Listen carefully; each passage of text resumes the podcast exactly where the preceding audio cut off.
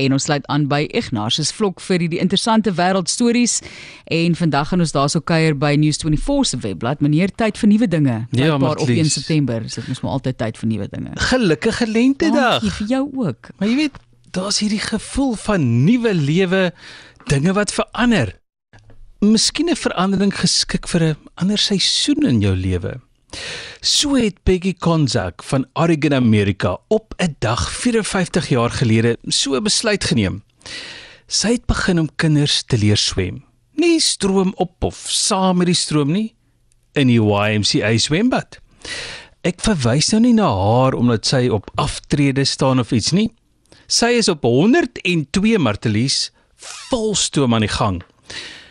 As jy nou op 'n swembad half leeg manier daarna wil kyk, is sy seker verantwoordelik vir jeugwerkloosheid van 1 per dekade.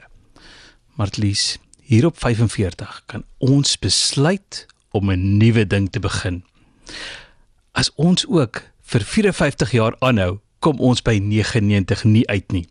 Nou daardie nuwe ding moet egter goed wees vir jou om jou te laat hou. Groen vingers wat jou kan rustig maak, blomme rangskik, sorg net dat daar water betrokke is. Miskien is dit tog iets in die water wat jou laat hou. As Peggy klas gee in 'n sout swembad, word sy mos gedurig gepekel